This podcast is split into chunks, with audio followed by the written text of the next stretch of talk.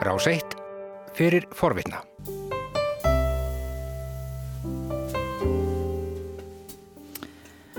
Morgumvaktin heldur áfram hér á Rás 1 klukkan 6 minútur gengin í nýju og eh, eins og yðurlega á þessum tíma á 50 dags morgnum þá er kominingað Bóji Ágússon sestur við eh, heimsglöggan um, það voru eins og komið við fram í fréttum þá mega frá með deginum í dag Danir, Norðmenn og Finnar uh, koma inn í landið án tillits til heilsufars án þess að fara í sótkví eða sínatöku en ekki svíjar uh, og það er svona víða á, daldið undarleg stað að komin upp í norrætni samvinnu út af koronveru faraldrinum. Já, það er alveg rétt vera. Það, það var að koma út ný skísla sem að gerðir á vegum norrænur á þeirra nefndarinnar eða raunar þess sem að kalla er stjórnsíslu hindrana ráð eða nefnd. Mm, þetta er afskaplega svona óhöndulegt nafn á íslensku getum við sagt grenshindringsróðið og hún fjallar sérsett um afstöðu fólks í, á, á svona landamæra sveganum e, á milli Norðurlandana og e, fyrirsögnin er förvirring og frustrasjón, við getum kannski sagt vonbyrði og vandræði í þessu samstarfi. Og það er alveg ljóst að mísmennandi viðbröður Norðurlandana við faraldrinum hafa valdið umtalsverðum vandræðum í norrænu samstarfi og bakslægi, leif ég mér að segja, vegna þess að kjarnin í þessu samstarfi er sameilu vinnumarkaður og það að geta ferðast á milli landa án þess að þurfa að vera að veifa vegabrifi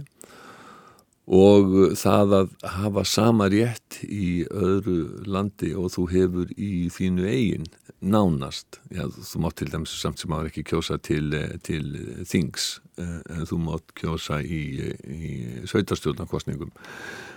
nú þetta hefur gengið vandraða lítið fram til 2015 þegar að flottamannakrísan kom og uh, þá var lokað yfir Eirasund og uh, núna samkvæmt niðurstöðu þessara skýslu sem að uh, Norrænar á þeirra nefndin var að láta gera að þá er sérstaklega fólk á, á, á þessum svæðum þar sem að samskiptin eru mest og dagstaglega að þá hefur það líst yfir því að þetta hafi valdið alveg gríðarlega miklu vandræðin og uh, það sem er kannski verra í þessu vegna þess að við hefum séð í öllum konunum að 80% almenningsun á Norðurlöndunum eru jákvæð kakvart norrænu samstarfi að sumstaðir er komin upp við og þeir hugsunarháttur. Þannig að eins og bara segir sko að stemmingin meðal almennings á þessum svæðum hún hefur versnað. Það er reyði uh, gagvart stjórnvöldum í öðru landi. Það má til dæmis nefna að uh, fólk á skáni það skilur ekki og hefur ekki skilið að hverju danir máttu fara yfir Eirasundsbrúna eins og þeim síndist Kaupmannhafnabúar en uh, þeir sem að búa á Skáni, Malmö, Lundi og víðar, þeir máttu ekki fara yfir og þeir bentu á það svíjarnir að, eða skánverjarnir að það er miklu lægri tíðinni uh, koronaviru smits þar heldur í Kaupmannhafn. Þetta fannst þeim mjög sérkennilegt. Vísur normen núna búin að gera undantekningar á uh, því að þeir segja að núna mega þeir sem að búa á skáni og einhverjum fleiri héruðum eh, koma til Noregs eh, án, án nokkura hindrana eh, en það gildir hins vegar ekki um íbúana í, hjá í, í,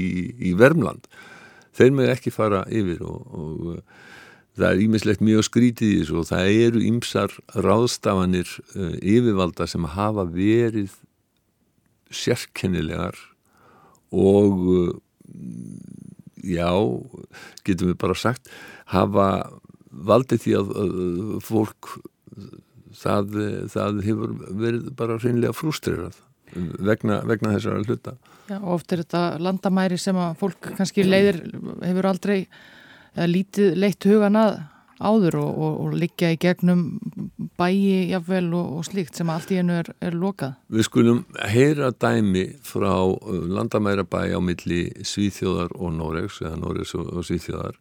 Það sem er eh, sænsk kona sem var í viðtali í gerðmorgun við sænska ríkisútvarpi það sem hún er að tala um það og segir að dagstælega þá upplifum við ekki að hér séu landamæri það er samvinna yfir landamærin við höfum til dæmis samviðilegan íþróttaleikvang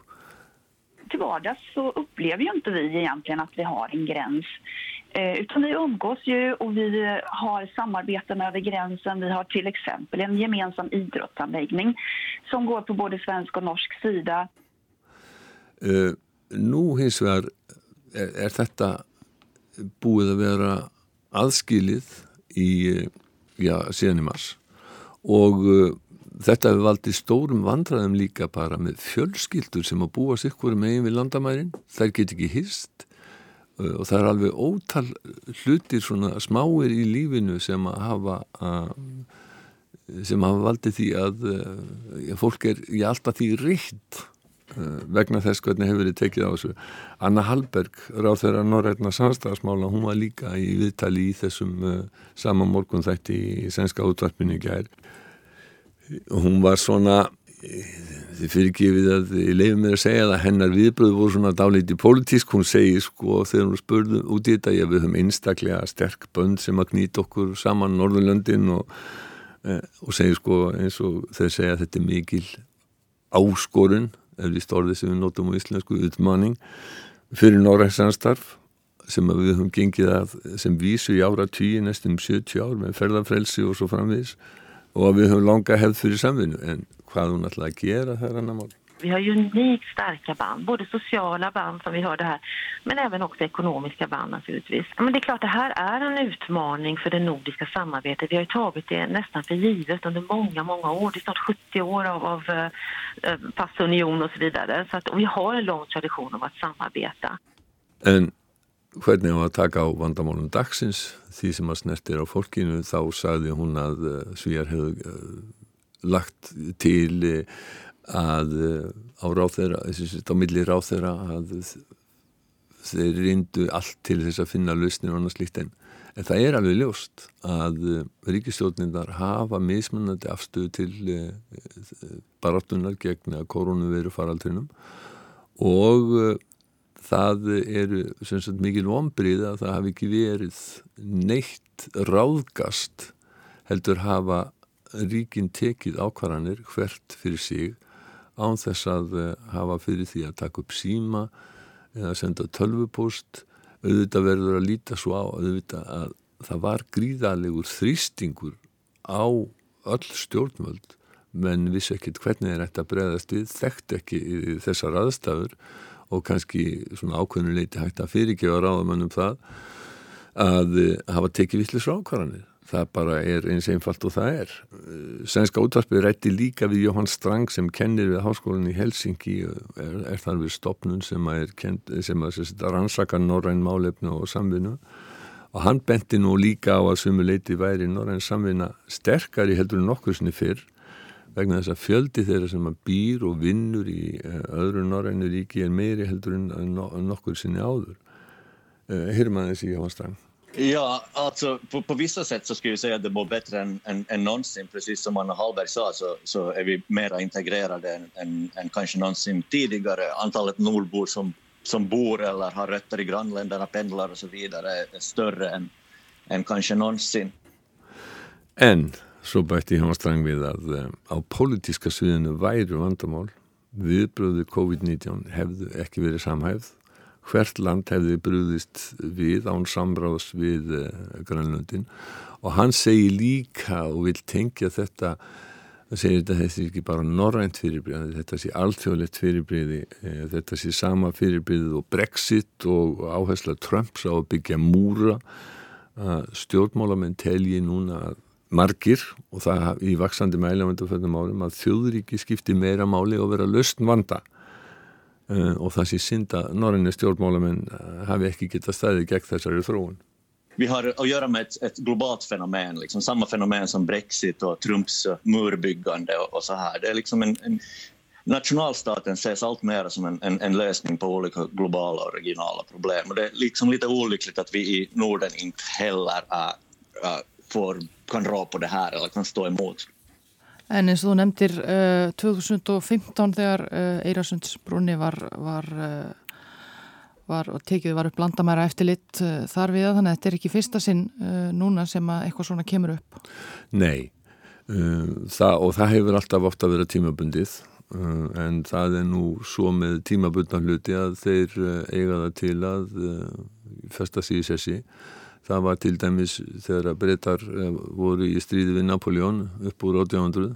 að þá ákvað breska stjórnin að taka tímabundi upp nýjan skatt til að fjármagna baróttuna gegn frökkum. Og hvaða skattu var það? Það var tekjuskattur. Hann átti að vera tímabundin tími tekið skattsins er nú ekki líðin en þá. En, en sko á móti má svo sem segja að Norræns samstarf stendur mjög djúpum rótum og uh, það eru eins og ég sagði aðan sko eldri kannanir hafa sínt að uh, 80, yfir 80% fólk á Norðurlandunum er jákvæmt gætkvæmt Norrænu samstarfi og þetta hefur náttúrulega verið mjög hefbundi samstarf mjög lengi og svo hafa menn alltaf verið að reyna að finna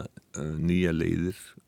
til þess að diffka samstarfið og eru enna því og í því sambandi vil ég minna á skýslu Björns Bjarnarssonar sem kom út núna fyrir já, svona um hálfu mánuði. Um, hann var fenginn til þess að skrifa skýslu um það hvernig megið þróa samstarf Norðurlandana uh, frekar. Og hann skilaði sagt, í tilugum hans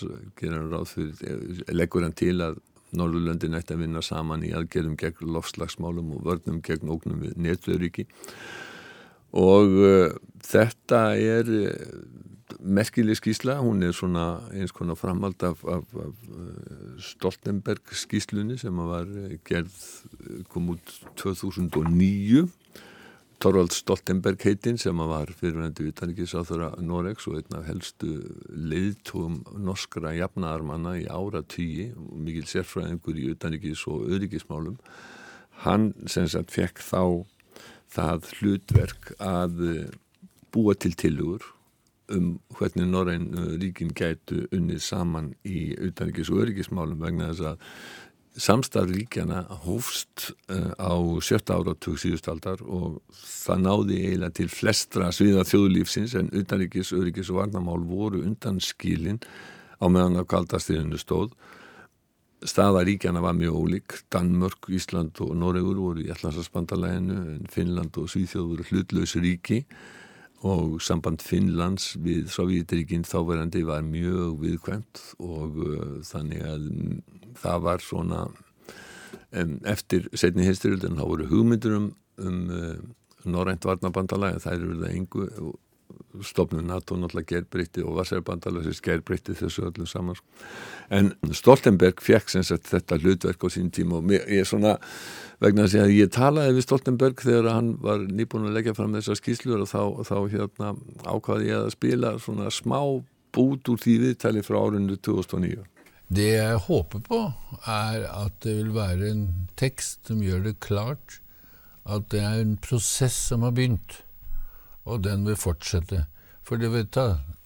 lang tid å få dette i stand. For det er en ganske dramatisk eh, forslag.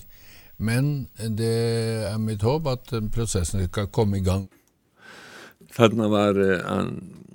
Stoltenberg að lýsa því yfir, hann gerði sig grein fyrir því að það tekki langan tíma að rinda þessum uh, tilugum í framkvæmdi eins og hann orðaði að þetta verið dálítið dramatískar tilugur og, um, og uh, en mjög margar af þeim hafa komist til framkvæmda og hafa að sumuleiti þær hafa breytt norðin samstarfið svona í kunindóllaratriðum en e, nú er að sjá hvað, hvað gerist þegar að landamærin verða hægt og, hægt og rólega opnuð að, að nýju. En ef við förum út í uh, allt annað, uh, Kína og uh, þar eru samskipti kínverja við vestræn ríki mikið verið í fréttum upp á síðkasti, Breitlandi og auðvitað bandaríkunum. Jú, jú, vissulega og það er um, það eru margar ástæði fyrir þessu. Menn telja að núverandi stjórn Kína hún sé herskári heldur en kynverðar hafa verið eh, svona síðustu áratí og já, getum við sagt, meiri innræði stjórn, þóli minni anstöðu heima fyrir, það má nefna til dæmis það allra nýjasta þegar þeir hafa í raunni innlímað Hongkong og þar með klálega bróti það samkómalag sem gert var við breyta. Þeir hafa verið mjög herskáir á Suður Kínahafi. Þar eru eigjar sem er, þeir líti á sem eh, sínar. En eh, eh, önnur ríki á þessu svæði telja að kynverjar eigi ekkert með að, að krefjast yfir á þeir. Og svo er það Huawei-málið stóra það er þetta mikla kynverska fjarskiptafyrirtæki Huawei sem hefur gert sér mjög gildandi í nýjustu kynnslóð í fjarskiptum 5G svo kvöldum og um, það getum við sagt endur speiklast í því getum við sagt stórveld átökin á, milli breyta og kynverja breyta er náttúrulega ekkert stórveldi lengur en, en, en átök milli vestætnaríkja og, og kynverja endur speiklast í, í Huawei og þeirri ákvörðun sem að um, var tekinn fyrir vikunni að Vavi fengi hvergi næri að koma þessari uppbyggingu. Og þetta er bara örfá mánuðum eftir að Boris Johnson fórsættisraður hafi sagt að Vavi er stór hluti af 5G uppbyggingu, uppbyggingu 5G netsins í Breitlandi en núna uh, í fyrir daga þá uh, lísti Ólífur Dáten ráð þeirra þessara mála í Breskuríkistjórnini því yfir að uh, aðstæður hefur breyst og nú er því Vavi ekki lengur með On the 15th of May, the US Department of Commerce announced that new sanctions have been imposed against Huawei through changes to the foreign direct product rules. This was a significant material change and one that we have to take into consideration. Þarna í rauninni segir hann að það er amerikanði sem ráða þessum. Uh, þeir voru búin að taka uh, viðskiptaþinganir á þá sem ætluði að vera í viðskiptum uh, eða láta Huawei vera hluta af sínu 5G neti þannig að eh, þetta er kannski megin ástæðin eh, og svo benda menn líka á að afstæða breyta gagvart kynverjum hafi breyst mjög mikið við það þegar þeir tóku Hongkong yfir, gliftu Hongkong og eh, brutuð sem sagt það samkómala sem gert var við, við breyta þegar að þeir tóku við eh, þessari fyrirverandi nýlendu breyta 1997 og það er náttúrulega alltaf gana hér í Donald Trump